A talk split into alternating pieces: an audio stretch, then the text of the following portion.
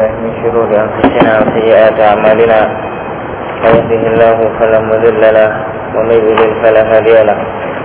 أشهد أن لا إله إلا الله وحده لا شريك له وأشهد أن محمدا عبده ورسوله أما بعد. Muwajibin ajani Allah wa Kita lanjutkan ujian kita. Pada bab yang terakhir yang insya Allah eh, yang ada pada kitab ini. Di akhir pembahasan Syekh rahimahullah taala atau Syekh Salim hafizahullah taala membahas tentang masalah jadi kenapa seseorang itu hanya diwajibkan atau hanya dibolehkan untuk mengikuti manhaj para sahabat Nabi Sallallahu Alaihi Wasallam dan para ulama-ulama yang mengikuti mereka dengan baik dalam masalah beragama dan tidak dibolehkan untuk mengikuti yang lainnya. Jadi kalau kita sudah bahas dari awal sampai akhir berhubungan dengan kenyataan kaum muslimin di zaman ini. Kemudian kita bahas juga bagaimana solusinya Rasulullah Sallallahu Alaihi Wasallam bahwasanya ke runtuhan kaum muslimin akhir zaman cuma bisa diatasi dengan ini hatta terjauh ila dinikum sehingga kalian itu mau rujuk kepada agama kalian atau sehingga kalian itu mau kembali kepada agama kalian. Yang istilah ar-rujuk atau istilah kembali kepada din ini yang kemudian sering saya jelaskan dengan kembali kepada Alkitab atau Al-Quranul Karim dan kembali kepada sunnah Rasulullah Sallallahu Alaihi Wasallam sesuai dengan firman-Nya wa in tanaza'tum fi syai'in farudduhu ila Allah wa Rasul.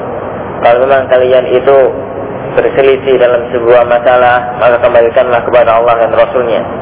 Dan kemudian sering juga saya jelaskan bahwasanya kembali kepada Al-Quran dan As-Sunnah tidak mungkin kita bisa mendapatkannya kecuali kalau kita mengikuti pemahaman para sahabat Nabi Sallallahu Alaihi Wasallam. Pada pertemuan kemarin ya akhwan sudah kita jawab beberapa hal yang berhubungan dengan apakah para sahabat itu mempunyai manhaj ilmi atau mempunyai sesuatu yang paten untuk jadi cara mengambil dalil dari sebuah hukum. Yang kemudian kita teruskan dengan pembahasan kita sekarang ini insya Allah yaitu kenapa seorang itu hanya dibolehkan untuk mengambil Al-Quran dan As-Sunnah atau untuk beragama sesuai dengan pemahaman para sahabat Nabi Shallallahu Alaihi Wasallam. Tapi ini ya kawan, saya ajak kami munculkan karena ada beberapa hal.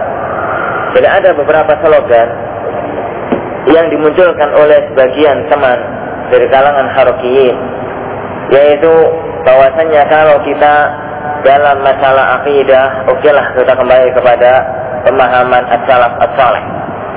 Dalam masalah akhlak, kita tidak harus kepada mereka. Kita bisa saja mengambil dari manhajnya orang-orang sufi dan tasawuf. Dalam masalah gerakan, kita tidak harus kembali kepada manhaj para sahabat, tapi kita cuma, tapi kita boleh saja kembali kepada manhaj siapa pun yang penting itu sesuai dengan keadaan zaman. Orang semacam ini sebenarnya tidak menolak jadi manhaj salaf, tapi mereka cuma ingin menggabungkan antara manhaj salaf ini atau manhaj para sahabat dengan sistem-sistem beragama yang lainnya.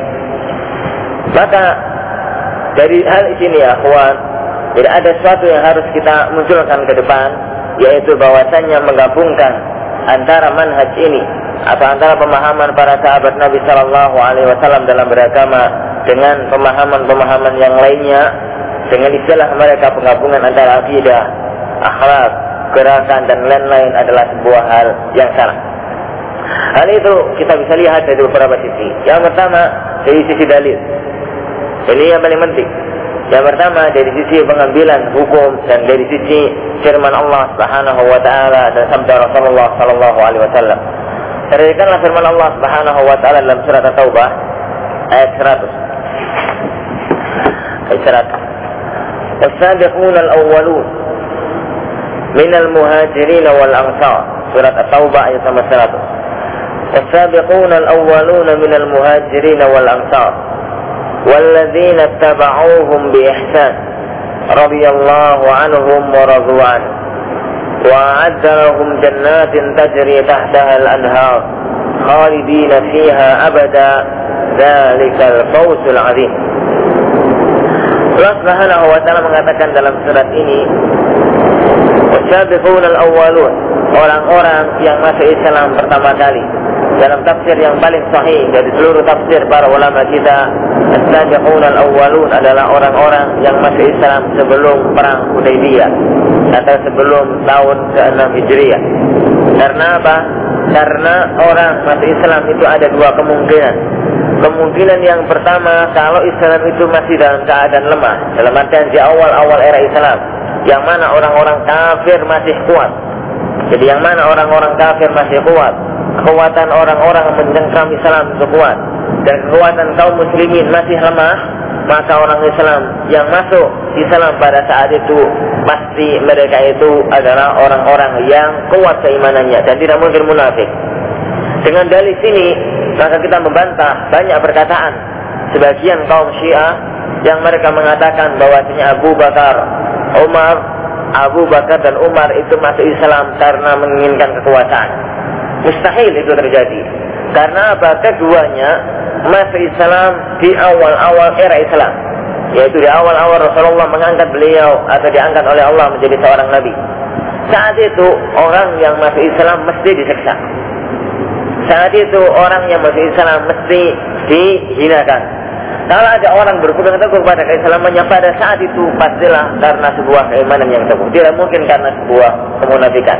Berbeda jadi dengan orang-orang yang masuk Islam itu di di akhir-akhir di akhir-akhir masa kenabian, yang mana di akhir-akhir masa kenabian adalah orang-orang yang mereka itu sudah mendapatkan kejayaan kaum muslimin. Islam sudah kuat, orang-orang kafir sudah punah, kekuatan orang-orang kafir Quraisy sudah hancur.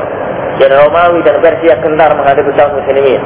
Saat itu kalau ada orang masuk Islam mungkin saja karena unsur kemunafikan ingin mendapatkan keamanan dan lain-lain. Dari sini maka Allah membedakan antara dua kelompok ini. Antara orang-orang masuk Islam di pertama disebutlah sebagai sabiqun al-awwalun dan antara orang-orang yang masuk Islam di akhir-akhir. Oleh karena itu Umar bin Khattab radhiyallahu anhu jadi tatkala beliau itu mendapatkan harta rampasan perang atau harta jizyah atau harta-harta yang lain, maka beliau membedakan antara pemberian kepada kaum as-sabiqun al-awwalun dengan pemberian kepada orang-orang yang masih Islam belakangan. Beliau mengatakan, la usawwi baina man yadkhulul Islam syahadan wa. Jadi saya tidak akan menyamakan antara orang yang masih Islam karena sungguh-sungguh dan karena orang yang masih Islam karena kemunafikan. Itu yang pertama. Sabiqun al-awwalu. Jadi orang-orang as-sabiqun al-awwalu minal muhajirin wal ansar. Baik dari kalangan orang-orang muhajirin baik dari kalangan orang-orang ansar. Orang-orang muhajirin adalah orang-orang hijrah dari kota Mekah ke kota Madinah. Kemudian orang-orang ansar adalah orang-orang yang menolong mereka tatkala mereka sampai ke kota Madinah. Walladzina taba'uhum bi ihsan. Dan orang-orang yang mengikuti mereka dan orang-orang yang datang setelah masa sahabat kemudian mengikuti petunjuknya para para sahabat Nabi Shallallahu Alaihi Wasallam radhiyallahu anhum wa Allah ridha kepada mereka dan mereka pun rela kepada Allah Subhanahu wa taala. Wa lahum jannatin tajri tahtaha al-anhar khalidina fiha abada dzalikal fawzul azim. Dan Allah menyediakan kepada mereka surga yang mengalir sungai di bawahnya yang mereka kekal di dalamnya selama-lamanya. Perhatikan ayat ini para ikhwan dan azani Allah wa yakum. Bahwasanya Allah Subhanahu wa taala pada ayat ini cuma meridhoi atau cuma rela kepada tiga kelompok. Jadi Allah Subhanahu wa taala dalam masalah ini dalam ayat ini cuma rela kepada tiga kelompok. Yang mana tiga kelompok inilah yang cuma direlakan atau yang cuma diridhai oleh Allah Subhanahu wa taala dan tidak ada kelompok yang lain yang diridhai oleh Allah Subhanahu wa taala. Yang pertama al-muhajirin, orang-orang dari sangan para sahabat. Kaum muhajirin itu yang pertama. Yang kedua al-ansar. yaitu para sahabat dari kalangan kaum Ansar. Kedua orang ini ya kawan atau dari kalangan kaum Muhajirin dan dari kalangan kaum Ansar, Allah Subhanahu wa taala mengatakan Allah ridho kepada mereka secara mutlak atau secara umum. Ini bahwasanya tatkala Allah menyebut kaum muhajirin dan kaum ansar, Allah tidak mengatakan orang-orang muhajirin yang baik dan orang-orang ansar yang baik. Allah tidak mengatakan semacam itu, tapi lafaz yang mutlak. Sabiqun al-awwalun minal muhajirin wal ansar. Bahwasanya orang-orang muhajirin dan orang-orang ansar itu diridhai oleh Allah Subhanahu wa taala. Berarti memang cara beragama mereka secara mutlak diridhai oleh Allah Subhanahu wa taala dari kalangan para sahabat. Baik, kemudian ya orang-orang yang datang setelah kalangan para sahabat atau setelah zaman para sahabat Nabi Shallallahu alaihi wasallam Allah membahasakan dengan bahasa walladzina tabauhum biihsan dan orang-orang yang mengikuti para sahabat tidak sekadar mengikuti. Karena semua orang mau mengikuti. Tapi biihsan mengikutinya adalah dengan cara yang baik. Ini kelompok yang ketiga. Bahwasanya orang yang diridhoi oleh Allah pertama muhajirin yang kedua ansar. Yang ketiga adalah pengikut mereka dengan baik. Dalam masalah apakah ini mustahil kalau keridhaan ini adalah dalam masalah dunia. Karena masalah dunia kata Rasulullah Shallallahu Alaihi Wasallam antum a'lamu bi umuri dunyakum bahwasanya kalian wahai kalian manusia itu lebih tahu tentang urusan dunia. Ayat ini harus kita bawa kepada masalah keagamaan. Masalah beragama. Masalah bagaimana kita mengharapkan ridha Allah Subhanahu wa taala. Bahwasanya ridha Allah dalam masalah beragama cuma diberikan kepada muhajirin dan ansar. Dan ini sudah punah. Muhajirin dan Ansar sudah tidak ada sejak 14 abad tahun yang lalu. Tapi yang ada sekarang adalah orang-orang yang mengikuti mereka dengan baik. Kalau memang pengikut para sahabat Nabi Sallallahu Alaihi Wasallam yang mereka berusaha untuk mengikuti para sahabat dari semua sisi keagamaan, saya dalam masalah akidah, dalam masalah ibadah, dalam masalah akhlak, dalam masalah yang lain-lain, ya, dalam masalah yang lain-lain, dalam masalah mengikuti sunnah, dalam masalah jihad, dalam masalah yang lain, kalau memang itulah mereka yang diridhoi Allah Subhanahu wa taala, akankah kita mencari jalan yang lain? Ya, akankah kita mencari jalan yang lain karena memang mereka itulah yang diridhoi Allah Subhanahu wa taala. Maka di sini jadi kalau dalam bahasa ulama usul itu adalah ada hasr. Jadi ada sebuah apa itu ke ada sebuah sesuatu yang cuma ringkas, tidak boleh untuk diluaskan. Sesuatu yang memang sifatnya singkat, bahwasanya hewan itu cuma diberikan oleh Allah Subhanahu wa taala kepada mereka semuanya. Dan ini harus kita umumkan pada masalah akidah. Kita mengikuti cara bergamanya para sahabat dan orang-orang yang mengikuti mereka.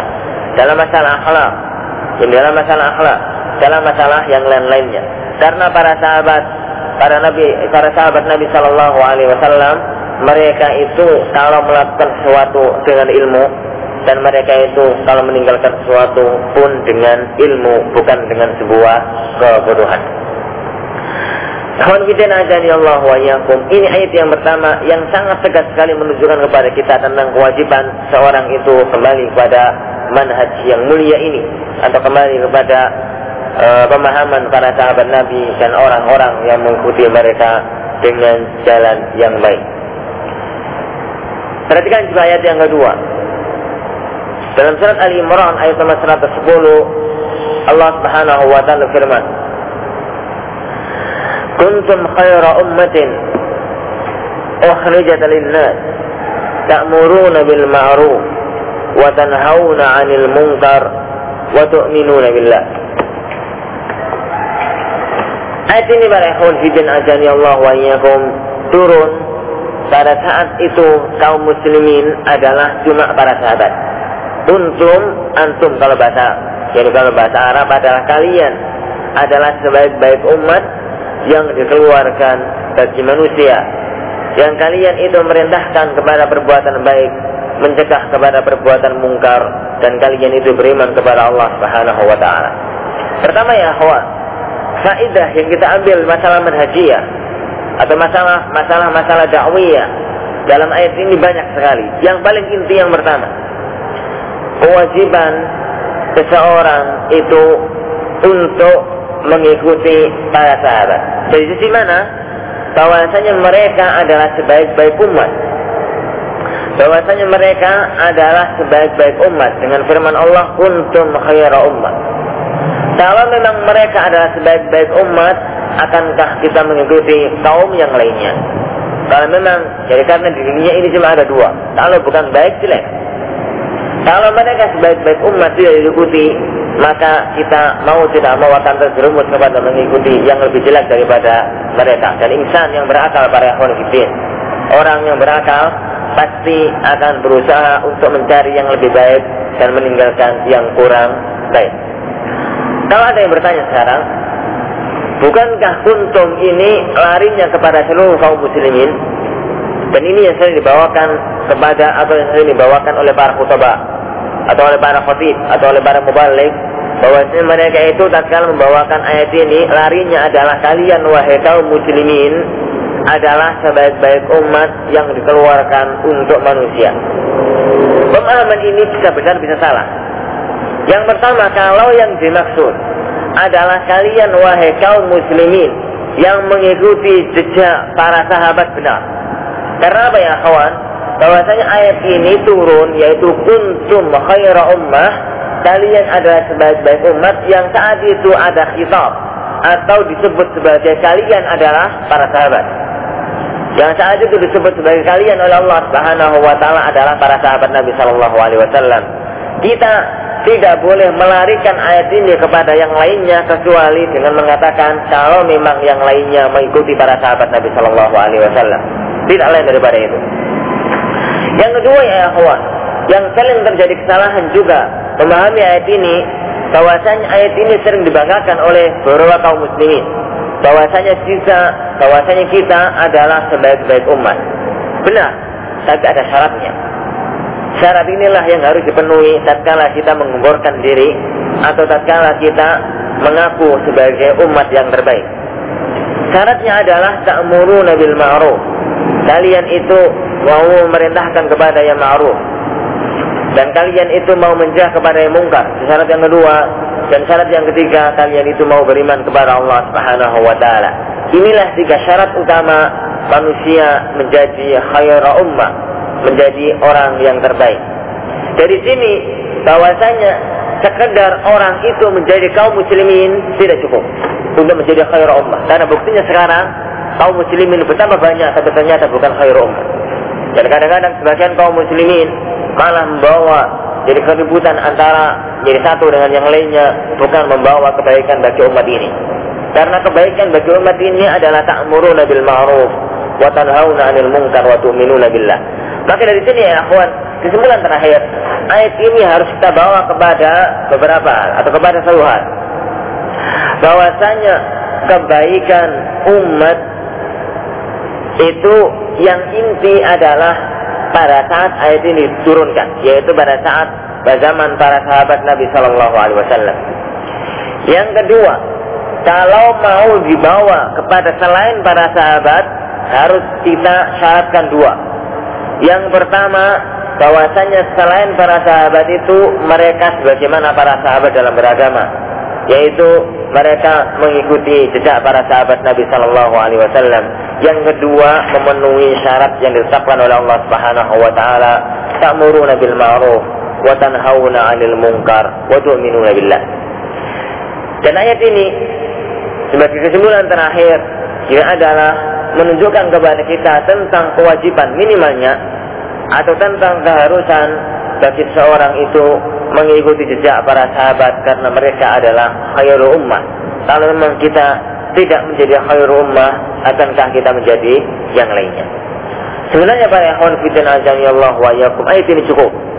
Jadi ayat ini dan ayat yang pertama tadi sudah cukup untuk mengatakan tentang kewajiban seorang itu kembali kepada manhaj para sahabat Nabi Shallallahu Alaihi Wasallam dan para ulama yang mengikuti mereka dengan jalan yang baik. Kawan kita Allah wa. Hadis-hadis itu tadi yang terdapat dalam ayat-ayat Allah Subhanahu wa taala.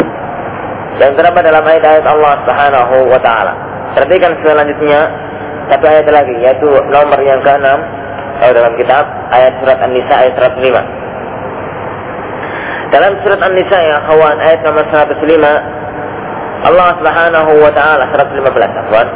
Jadi Allah Subhanahu wa taala mengatakan wa min yushaqiqir rasul min ba'di ma tabayyana lahul huda wa yattabi' ghayra sabilil mu'minin nuwallihi ma tawalla wa nuslihi jahannam wa sa'at masira wa man yushaqiqir rasula barang siapa yang dia itu ini barang siapa yang dia itu menentang yang dia itu bertentangan dengan Rasulullah Muhammad sallallahu alaihi wasallam. Min ba'di tabayyana lahul huda. Setelah datang kepada dia petunjuk dan kebaikan. Wa yattabi' ghayra sabilil mu'minin. Dan dia itu mengikuti jalannya selain orang-orang yang beriman. Maka kami akan palingkan mereka kepada mereka yang mereka berpaling kepadanya dan kami akan masukkan mereka kepada neraka jahanam. Ehwan bidin ajani Allah wa iyyakum ayat ini adalah sebuah ancaman dari Allah kepada orang-orang yang tidak mau mengikuti Rasulullah Shallallahu Alaihi Wasallam kepada orang-orang yang jauh dari sunnahnya yang menambah atau mengurangi sunnah Rasulullah Shallallahu Alaihi Wasallam akan masuk kepada neraka jahanam. Ayat ini sangat selaras sekali dengan firman-Nya. Ayat ini ya sangat selaras sekali dengan firman Allah Subhanahu wa taala, "Falyahdharil ladzina yukhalifuna an amrihi an fitnatun aw yusibahum adzabun alim." Jadi tidaklah hati-hati orang-orang yang itu mereka menyelisihi perintah Rasulullah. Nanti mereka akan terkena fitnah dan mereka itu akan jadi mendapatkan azab yang pedih. Imam Malik rahimahullahu taala ya akhwan, beliau pernah mengatakan tatkala beliau pernah ditanya, "Wahai Imam, saya ingin untuk berangkat haji dan memulai memakai mikot atau memulai memakai baju ihram dari Mekah atau dari Madinah An-Nabawiyah." Maka Imam Malik mengatakan jangan. Orang haji akhwat bagaimana mungkin antum semua ketahui bahwasanya orang pergi haji itu sebelum masuk Mekah ada tempat-tempat khusus yang disebut sebagai miqat atau disebut sebagai tempat untuk memulai memakai baju ihram. Jadi kalau dari arah jadi kalau dari arah Madinah itu namanya adalah Dzulhulaifah. Jadi makanya kalau dari arah sini, dari arah Indonesia, jadi kalau dari arah Indonesia, kalau zaman dulu orang Indonesia tatkala pergi haji menggunakan kapal dan mereka mesti singgahnya di Yaman, maka di kitab-kitab yang fikih anak-anak SD itu, anak-anak MI, itu rata-rata tertulisnya adalah Yalamlam. Karena memang itulah tempat mikotnya orang-orang dari daerah Yaman. Tapi kalau sekarang, jadi mikotnya adalah di atas udara. Permasalahannya, jadi kita, jadi permasalahannya dari timur, eh, permasalahannya ya akhwat, eh, apa itu bandara Saudi Arabia kalau turun tidak pernah ke Riyadh tapi ke arah Jeddah kan itu tapi arah Jeddah padahal Jeddah itu lebih baik daripada Mekah dan mau tidak mau orang itu harus sudah melewati Mekah al Mukarramah maka ikutnya di atas udara di atas bin Ali atau di atas bin Hulaifah yang penting bahwasanya ada seorang yang kepingin untuk memakai baju ihramnya bukan di Zil Hulaifah tapi dia ingin memakainya dari mulai dia keluar dari kota Madinah. Dia ingin memakai di kota Madinah. Semacam orang Indonesia tidak perlu harus menunggu di Dhul Hulaifah. Tapi cukuplah langsung di atas bandara, bandara Juanda misalkan, langsung memakai baju ihram niat. Sama dengan keadaan semacam itu. Maka Imam Malik mengatakan jangan. Jangan, jangan lakukan itu. Saya takut kamu akan terkena fitnah, dan terkena ujian. Orang itu bantah dan ngeyel kepada Imam Malik dan mengatakan, ya Imam, akan ada bencana apa? Lawang cuma beberapa mil saya tambah, beberapa kilo. Antara kota Madinah dengan Bil Hulaifah itu gak jauh, cuma beberapa kilo. Kenapa harus dipermasalahkan? Maka Imam Malik mengatakan, ujian atau bencana apakah yang lebih besar? Kalau engkau menganggap bahwasanya engkau melakukan sebuah perbuatan yang lebih baik daripada perbuatannya Rasulullah Shallallahu Alaihi Wasallam. Rasulullah memulai ihram itu di Zil Hulaifah. Akankah engkau mendahului beliau dari kota Madinah? Bencana yang lebih besar daripada bencana orang yang menganggap bahwasanya sunnah dia atau perbuatan dia sesuai atau lebih daripada perbuatannya Rasulullah Sallallahu Alaihi Wasallam atau tidak mau mengikuti petunjuknya Rasulullah Sallallahu Alaihi Wasallam. Jadi di sini ya akhwan wa min rasul barang siapa yang menentang Rasulullah sallallahu alaihi wasallam dan mengikuti jalannya selain orang-orang yang beriman. Pengambilan dalil dari ayat ini hampir sama dengan ayat yang tadi. Bahwasanya al-mu'minin, orang-orang yang beriman. Saat turunnya ayat ini adalah siapa? Para sahabat. Jadi orang-orang yang beriman saat turunnya ayat ini adalah para sahabat Nabi Shallallahu Alaihi Wasallam. Maka yang diancam oleh Allah Subhanahu Wa Taala untuk sesat dan untuk masuk ke dalam neraka dua. Pertama orang yang tidak mengikuti sunnah Rasulullah dan orang yang mengikuti jalan selain para sahabat. Karena al-mu'minin di sini adalah as-sahabat.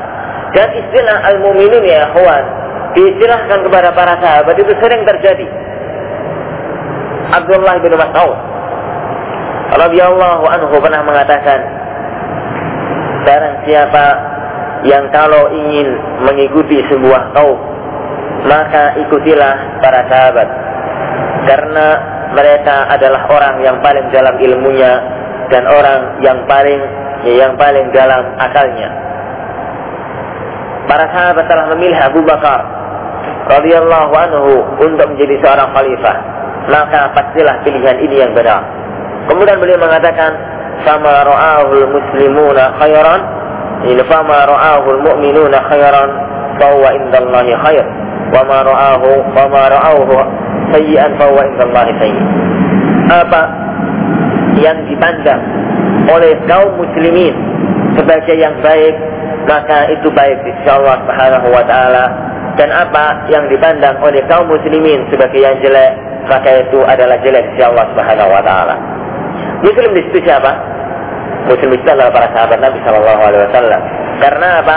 Karena kita yakin, seyakin yakinnya bahwasanya yang yang dimaksud oleh Abdullah bin Mas'ud adalah para sahabat Nabi Shallallahu Alaihi Wasallam bukan kaum muslimin secara umum. Di zaman kita sekarang, kalau kita mengatakan yang dipandang oleh kaum muslimin baik, maka itu adalah baik, semua akan rusak. Ini misalkan kita memakai hak voting misalkan. Jadi ayolah kawan kaum muslimin sekalian, yang baik itu para wanita mukminah memakai baju gaul itu, ya kerudung atau kerudung biasa, atau kamu memakai baju akhwat. Insya Allah yang menang kalau dalam voting adalah bukan baju akhwat. Itu dan itu jelas ya akhwat. Kalau kita menggunakan sistem pokoknya kaum muslimin zaman sekarang itu patokannya dijadikan patokan rusak dunia. Karena apa? Yani karena Allah Subhanahu wa taala sejak zaman dulu sudah mengatakan, yani intuti aksara man fil ardi yudilluka sabilillah. Bahwasanya kalau engkau mengikuti kebanyakan manusia di muka bumi akan rusak dari jalan Allah Subhanahu wa taala. Maka kata-kata al-muslimu, kata-kata al-mu'minu, kalau itu dimutlakkan, yani kalau itu dimutlakkan dalam ayat Al-Qur'an dan dalam pemahaman para sahabat Nabi sallallahu alaihi wasallam itu adalah kaum mukminin pada zaman itu sabilil mu'minin dan mengikuti jalannya orang-orang yang beriman. Jadi orang yang mengikuti jalannya selain jalan orang-orang yang beriman atau selain selain jalan para sahabat Nabi Shallallahu Alaihi Wasallam, ancamannya wa nuslihi jahannam wa sa'at masira akan kita masukkan kepada neraka jahannam. Ayat yang pertama ya kuat adalah kewajiban. Jadi Allah Subhanahu wa taala memberikan tarhib atau memberikan sebuah kabar gembira kepada orang-orang yang mengikuti jalan para sahabat Nabi Shallallahu Alaihi Wasallam untuk mendapatkan ridwan dari Allah Subhanahu Wa Taala. Di ayat yang kedua tadi, Allah Subhanahu Wa Taala memberikan kabar gembira juga bahwasanya orang yang mengikuti jalan para sahabat adalah khair ummah, sebaik-baik umat. Di ayat sini, bahwasanya Allah Subhanahu Wa Taala memberikan ancaman kepada orang yang mengikuti selain jalannya para sahabat untuk mendapatkan siksaan dari Allah Subhanahu wa taala. Adakah masih jalan? Adakah masih cara berpikir yang mau dibawakan untuk kita mengatakan kalau akidah oke, okay, kalau selain akidah akan kita pertanyakan. Ini ya cara berpikir semacam ini hampir mirip sekali dengan cara berpikirnya sebagian tokoh-tokoh jadi tokoh-tokoh asyairah pada zaman dahulu dan sekarang yang mereka mengatakan oke okay lah kita dalam masalah fikih mengikuti mazhab Imam Syafi'i, tapi dalam masalah akidah kita mengikuti mazhab Imam Abdul Hasan Al Ashari kan itu. Ada orang-orang banyak kaum muslimin yang sekarang kalau masalah fikih kita mazhabnya Imam Syafi'i, kalau masalah jadi kalau masalah akidah bukan Imam Syafi'i tapi adalah Imam Abdul Hasan Al Ashari yang kemudian kita kenal dengan istilah Asy'ariyah. Lafaz ini dimunculkan seakan-akan nggak masalah. Jadi seakan-akan nggak masalah sama sekali, tapi sebenarnya adalah pelecehan besar kepada Imam Abu kepada Imam Asy-Syafi'i rahimahullah taala. Seakan-akan mereka mengatakan ya Syafi'i, wahai Imam Syafi'i, antum cuma baik atau cuma bagus dalam masalah fikih. Tapi dalam masalah tidak kurang bagus sehingga butuh kami mencari yang lainnya, yaitu Imam Bulasan al. Padahal Imam Syafi'i dalam kitabnya Al-Um dan dalam kitab-kitab yang lain dalam masalah akidah sangat kuat sekali. Sama dengan orang sekarang seakan-akan mengatakan kalian wahai para sahabat bagus, wallahi bagus dalam masalah akidah. Tapi dalam masalah akhlak masih ada yang kurang bagus. Ada yang lebih bagus daripada kalian dalam masalah akhlak yaitu orang-orang sufi. Dalam masalah gerakan, dalam masalah kita berpikir, masalah solusi politik, kalian wahai para sahabat terlalu lunak.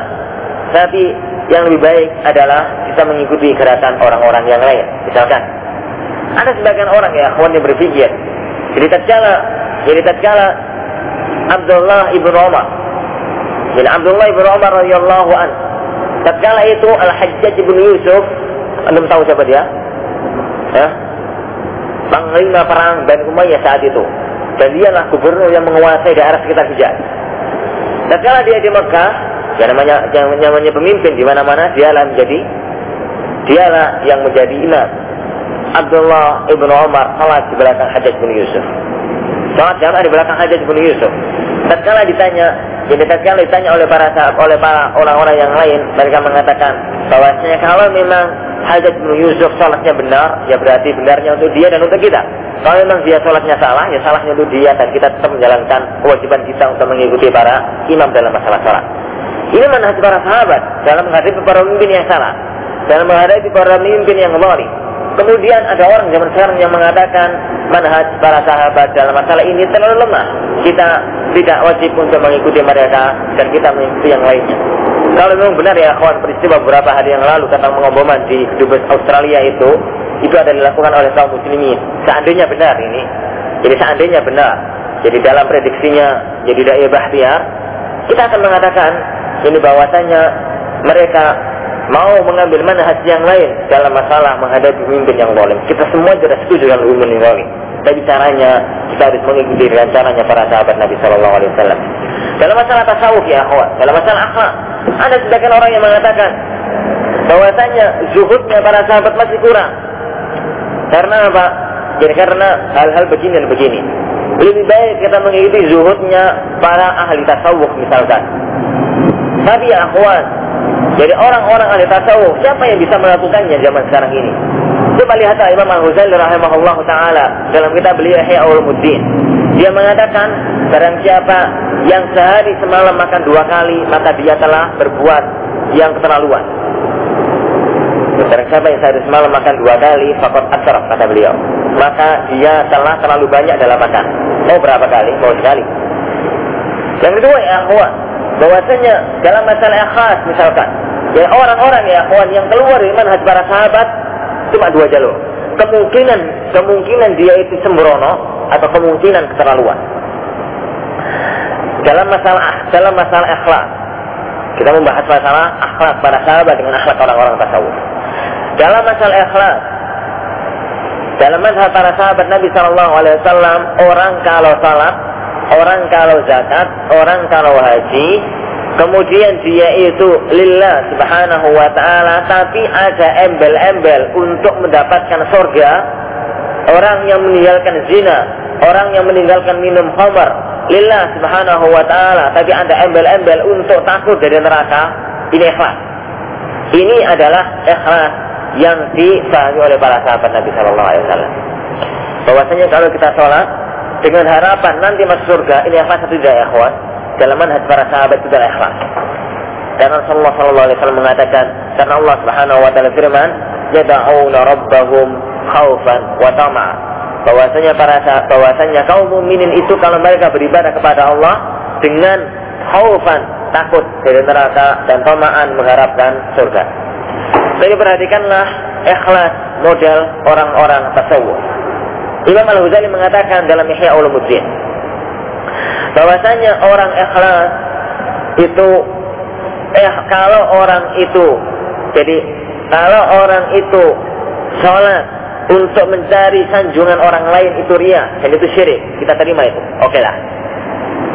Kalau orang lain kalau orang itu sholat lillah subhanahu wa ta'ala tapi masih mengharapkan pahala ini ikhlasnya anak-anak kata beliau. Anak kecil karena apa? Anak kecil itu kalau disuruh oleh umminya untuk pergi yakni memenuhi sebuah tugas dia kadang-kadang nggak mau kecuali kalau nanti kalau mau kalau kalau mau tak kasih 500 misalkan. Anak pergi ke sana beli cabai atau beli apa nanti dikasih es misalkan kasih apa. Anak kecil mau tapi kalau nggak begitu kan nggak mau. Maka kata Imam Ghazali rahimahullah dalam Ihya Mudin kalau orang jadi dalam salat dia itu masih mengharapkan pahala masih takut dari neraka itu ikhlasnya anak kecil. Ikhlas yang benar. Kata dia adalah salat lillah subhanahu wa ta'ala tidak mengharapkan surga dan tidak takut dari neraka. Perhatikanlah Rabi'ah al-Adawiyah. Seorang tokoh sufi wanita di zaman dahulu. Dia pernah mengatakan ya Rabb kalau memang saya sholat karena mengharapkan surgamu jauhkanlah surga itu dariku dan kalau memang saya meninggalkan zina karena takut nerakamu dekatkanlah neraka itu dariku aneh akhwat jadi kalau memang saya sholat demi mengharapkan surgamu, maka jadi jauhkanlah surga itu dariku. Dan kalau memang jadi saya berzina atau saya meninggalkan zina, takut dari neraka, maka malah neraka itu dariku. Syekh Abdul Qadir Jailani, jadi pernah dikatakan, bahwasanya ya Syekh, kenapa saya tidak melihat Anda pernah ketempelan lalat? Kalau seorang muridnya bertanya, ya Syekh, kenapa jadi saya lihat anda itu kok nggak pernah ketempel lalat, lalat nggak pernah nempel. Saya nggak pernah tapi kisah ini dikisahkan oleh Imam Al-Zahabi rahimahullah dalam sejarah Al Nubala. Beliau mengatakan, Eish, enggak apa lalat nempel pada saya. Saya tidak punya kehendak terhadap dunia dan saya tidak punya kehendak pada akhirat. Bahwasanya dunia saya hilangkan kehendak saya pada dunia dan harapan masuk surga saya tidak punya harapan pada, pada surga. Bahwasanya saya, saya tidak punya harapan masuk surga. Kalau nanti saya sholat masuk neraka, itu sudah kehendak Allah. Saya rela. Saya meninggalkan zina, kemudian tidak masuk surga, saya rela. Jauhan. Jadi saya, akhwan, orang lagi kalau sudah keluar dari mana para sahabat mesti begini. Apa pun namanya, saya hanya ikhlas itu ikhlas. Orang-orang Allah akan terkecoh dengan ikhlas kayak begini. Yang kayaknya ikhlas lebih tinggi, tapi yakinlah bahwasanya syai' idza zada an haddihi inqalaba ila Kata para ulama kita, bahwasanya sesuatu kalau sudah keluar dari batas yang wajar, dia akan berbaring. Minuman ya akhwat, kalau untuk bikin teh, kalau untuk bikin teh, yang sebenarnya satu gelas itu kadarnya cuma 2 sendok, kasih 15 sendok, pahit minuman itu. Bukan malah tambah manis, tapi tambah pahit. Antum bikin sayur, yang sebenarnya jadi bahwasanya takaran untuk garamnya adalah cuma setengah sendok, kasih 5 sendok, pahit, bukan malah seger. Karena apa? Ukuran kalau sudah di batas keluar atau sudah di, di batas e, di luar batas, maka itu akan bertambah menjadi sesuatu yang jelek. Itu sebuah, sebuah contoh gambaran bahwasanya dalam masalah akhlak, dalam masalah ibadah, dalam masalah yang lain-lain kita tidak mungkin keluar dari manhaj para sahabat. Keluar dari manhaj para sahabat diancam dengan wayat tapi khair sabilil mu'minin. Kemudian mesti mempunyai dua jalur. Kalau tidak sembrono dan ini adalah perbuatannya orang-orang yang besar. Orang-orang yang mereka tidak memperdulikan agama. Yang kedua adalah orang yang mereka akan keluar menjadi jalur yang keterlaluan. Sehingga mereka itu melakukan perbuatan-perbuatan yang di luar batas dan Rasulullah SAW mengatakan iyyakum wal ghuluwu fid jadi hati-hatilah kalian dari al ghulu fid din hati-hatilah kalian dari berlebihan dalam masalah agama sehingga agar tidak tersesat dalam masalah agama ini. Allah wa Sebelum melanjutkan ya akhwat, ada pertanyaan?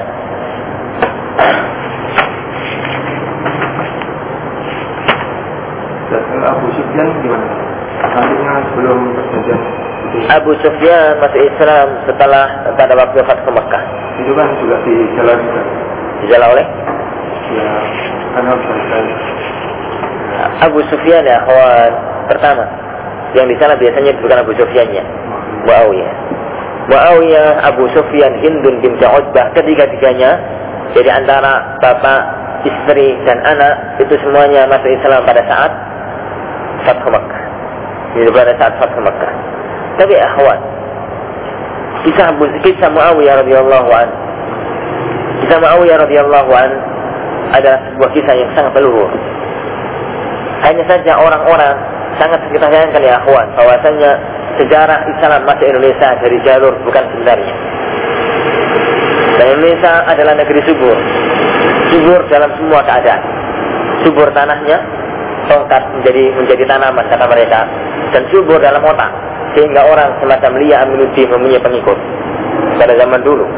Jadi siapa kayak Ahwan seandainya orang Indonesia mau berpikir jernih akan kasih orang perangkai bunga yang kemudian menjadi seorang ustazah ngaji dia mengaku sebagai sebagai apa itu ibunda dari Isa alaihissalam diakui dan bahkan salah seorang profesor dokter dari UI menjadi pengikutnya. Ustaz, aneh mau negeri ini. Seorang profesor dokter UI mengakui bahwasanya dia adalah mengakui bahwasanya dia adalah orang yang benar. Dia bukan mau melakukan hal itu, tapi yang kita lakukan sekarang bahwasanya sejarah Islam banyak masuk ke negeri ini, jadi banyak masuk ke negeri ini dari jalur orientalis. Jadi dari jalur orientalis dan orientalis banyak mengambil dari jalur Syiah. Maka nggak heran, jadi maka nggak heran kemudian bahwasanya Muawiyah sejarahnya adalah menjadi sejarah yang sangat tabu. Padahal para ulama kita mengatakan bahwasanya Muawiyah radhiyallahu an adalah si adalah jadi seorang khalifah yang mempunyai sinar yang sangat cemerlang. Hanya saja sinarnya kalah dengan sinar yang sebelumnya. Matahari ya kawan punya sinar. Matahari bulan purnama sinarnya kuat. Tapi perhatikanlah matahari bulan purnama kalau pagi hari selesai subuh itu masih ada di sebelah barat. Tapi kenapa gak bersinar? Kalah oleh sinar matahari. Masalahnya itu aja.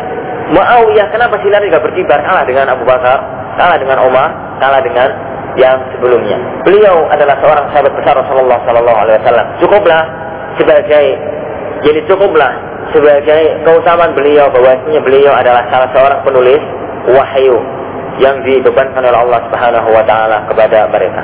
Antum jadi kalau mau melihat sejarah yang sebenarnya dalam masalah sejarah saat itu, dia telah dalam kitab-kitab yang sahih. Kayaknya Darul Haq menerbitkan sebuah buku tentang sejarah Khulafaur Rasyidin. Kayaknya. Benar nggak? Anda pernah melihat di sebuah toko itu terbitan Darul Haq tentang sejarah Khulafaur Rasyidin, Al-Bidayah wa Nihayah. Al-Bidayah wa Nihayah itu secara yang lurus dalam masalah ini agar kita tidak terjerembab dalam hal-hal yang di eh, yang itu adalah misalnya para sahabat Nabi Shallallahu Alaihi Wasallam. Ya.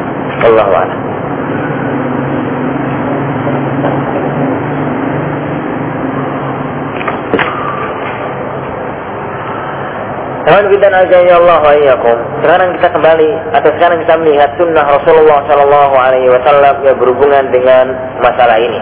Perhatikanlah dalil yang ketiga. Kalau Shallallahu Alaihi Wasallam hadis ini sudah terlalu sering kita baca, ini selalu sering kita ulang-ulang. Khairun nasi qarni. Summa alladhina yalunahum. Summa alladhina yalunahum. Summa yaji'u qawmun. Tasbiku syahadatu ahadihim yaminahu. Wa yaminuhu syahadatahu. Sebaik-baik manusia ini adalah orang yang hidup pada generasi. Kemudian orang-orang yang setelah mereka Kemudian orang-orang yang setelah mereka Kemudian datang setelah zaman mereka kaum yang mereka itu sumpahnya mendahului kesaksiannya dan kesaksiannya mendahului sumpahnya dalam artian orang-orang yang jelek. Rasulullah Shallallahu Alaihi Wasallam ya dalam hadis ini, jadi Rasulullah Shallallahu Alaihi Wasallam dalam hadis ini mengatakan hampir sama dengan ayat kuntum khairu umat, yaitu menjadikan sebaik-baik umat jadi adalah umat Rasulullah Shallallahu Alaihi Wasallam yang hidup pada zamannya. Yang hidup pada zaman Rasulullah yaitu para sahabat Nabi Shallallahu Alaihi Wasallam. Mereka lah orang-orang yang terbaik dengan nas dari Rasulullah Shallallahu Alaihi Wasallam. Kemudian orang-orang yang setelah mereka, kemudian orang-orang yang setelah mereka, yaitu para tabiin dan para atba'ut tabiin. Maka seandainya ya akhwan, jadi orang itu kalau sudah mengakui bahwasanya mereka adalah orang yang terbaik, akankah kita itu mengikuti jalan selain para sahabat Nabi Shallallahu Alaihi Wasallam dalam masalah beragama?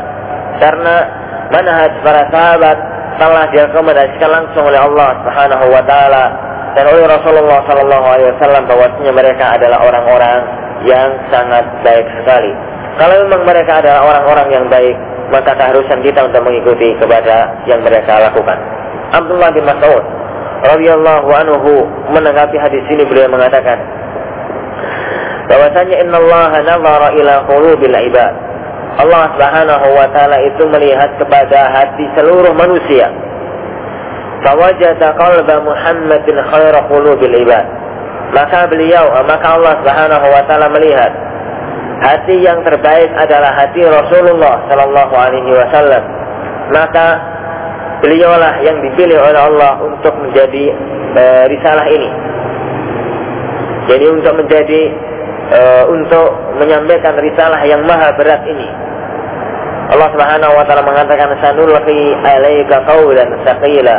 Kami akan menyampaikan kepadamu wahai Muhammad sebuah ucapan yang berat. Maka orang semacam ini butuh orang-orang yang benar-benar sebagai orang yang akan mampu menyampaikan risalah. Oleh karena itu, jadi termasuk kemujizatan Rasulullah Shallallahu Alaihi Wasallam bahwasanya beliau pernah didadah, pernah dibelah dadanya oleh malaikat Jibril, kemudian hatinya dibersihkan. Eh, kemudian hatinya dibersihkan dari unsur-unsur yang kotor. Karena manusia semuanya ya kawan punya dua unsur dalam hatinya. Unsur yang jelek dengan unsur yang baik. Rasulullah mengatakan bahwasanya pada dia semua orang itu ada korin dari jin dan ada korin dari malaikat. Jadi korin dari jin itulah yang selalu mengajarkan dia kepada kejelekan, selalu mengajak dia kepada kejelekan dan korin dari malaikat yang mengajak dia kepada kebaikan. Sampai pun Rasulullah Shallallahu Alaihi Wasallam mempunyainya. Yaitu tatkala beliau ditanya wahai Rasulullah, engkau juga mempunyai jin yang selalu mengajak engkau pada kejelekan? Iya. Illa anallahu illa anallaha anqadhani aw sallamani min dzalik. Hanya saja Allah menyelamatkan aku dari godaan jin ini. Yaitu para ulama bisa berselisih mengenai kata-kata sallamani. Sebagian para ulama mengatakan jin yang mengikuti Rasulullah masuk Islam. Tapi kaul ini agak. Jadi yang kedua, bahwasanya jin itu tidak mampu berbuat karena unsur kejelekan pada diri Rasulullah sudah hilang tatkala dicuci oleh Jibril alaihissalam peristiwa Isra dan Mi'raj dengan peristiwa-peristiwa sebelumnya. Kemudian setelah itu, setelah dari Allah Subhanahu wa taala memilih Rasulullah sallallahu alaihi wasallam, maka kata Abdullah bin Mas'ud, "Tsumma nazara ila qulubil ibadi ba'da qalbi Muhammad." Jadi Rasulullah kemudian Allah melihat hati seluruh manusia jadi setelah Rasulullah atau setelah hatinya Rasulullah. Fawajada quluba ashabihi khaira qulubil ibad. Maka maka Rasulullah jadi melihat maka Allah Subhanahu wa taala menemukan hati yang terbaik adalah hati-hati hamba atau hati para sahabatnya Rasulullah sallallahu alaihi wasallam. Faja'alahum muzara'an nabiyhi. Maka Allah menjadikan mereka penolong-penolong atau orang yang langsung menolong agamanya Allah Subhanahu wa taala. Karena itu ya kawan, persaksian dari Abdullah bin Mas'ud dan persaksian dari Allah Subhanahu wa taala ini yang disakiti oleh para ulama bahwasanya para sahabat itu tidak ada seorang pun di antara mereka yang perbuatannya sampai menjadikan persaksian atau sampai menjadikan riwayat mereka tertolak. Kita bukan mengingkari ya kawan, bahwasanya sebagian para sahabat itu pernah berbuat dosa. Di zaman itu ada perzunian, ada perzinaan. Di zaman Rasulullah Sallallahu Alaihi Wasallam ada orang mencuri. Di zaman Rasulullah Sallallahu Alaihi Wasallam ada ini ada orang yang melaknat istrinya dan lain-lain kejadian-kejadian itu ada di zaman Rasulullah Sallallahu Alaihi Wasallam. Tapi perbuatan itu semua cuma berkisar masalah maksiat. Dalam artian tidak ada orang yang hatinya terkena penyakit syubhat. Tidak kecuali orang-orang munafik. Orang-orang munafik kita keluarkan dari para sahabat. Mereka bukan para sahabat Nabi. Jadi kecuali orang-orang munafik. Adapun para sahabat Nabi, siapa pun mereka, maka riwayatnya akan terima oleh Allah Subhanahu wa taala dan diterima oleh para sahabat Nabi sallallahu alaihi wasallam. Maka dari itu, maka dari itu ya akhwan. Jadi siapa pun yang meriwayatkan itu yang penting sahabat terima oleh para ulama. Karena memang hati mereka adalah hati yang bersih dan hati mereka adalah hati-hati yang dipilih oleh Allah Subhanahu wa taala. Oleh karena itu, jadi dari keterangan Abdullah bin Mas'ud ini, jadi masihkah kemudian kita melakukan dan masihkah kemudian kita jadi mempunyai sedikit jadi kebimbangan bahwasanya jalan yang ditempuh oleh para sahabat adalah jalan yang terbaik tatkala kita mau meng, e, meng, me, kembali kepada Allah dan kembali kepada Rasulullah Sallallahu Alaihi Wasallam yang itu adalah merupakan syarat sah atau merupakan syarat utama kalau kita mau memulihkan kepada kejayaan kaum muslimin yang ada di akhir zaman. Allah Alhamdulillah azani Allah wa iyyakum. Hadis yang terakhir halaman yang nomor yang ke-10. Masih banyak sebenarnya dalil-dalil yang lain tapi saya lompat-lompati aja. Nomor yang ke-10 atau dalil yang ke-10.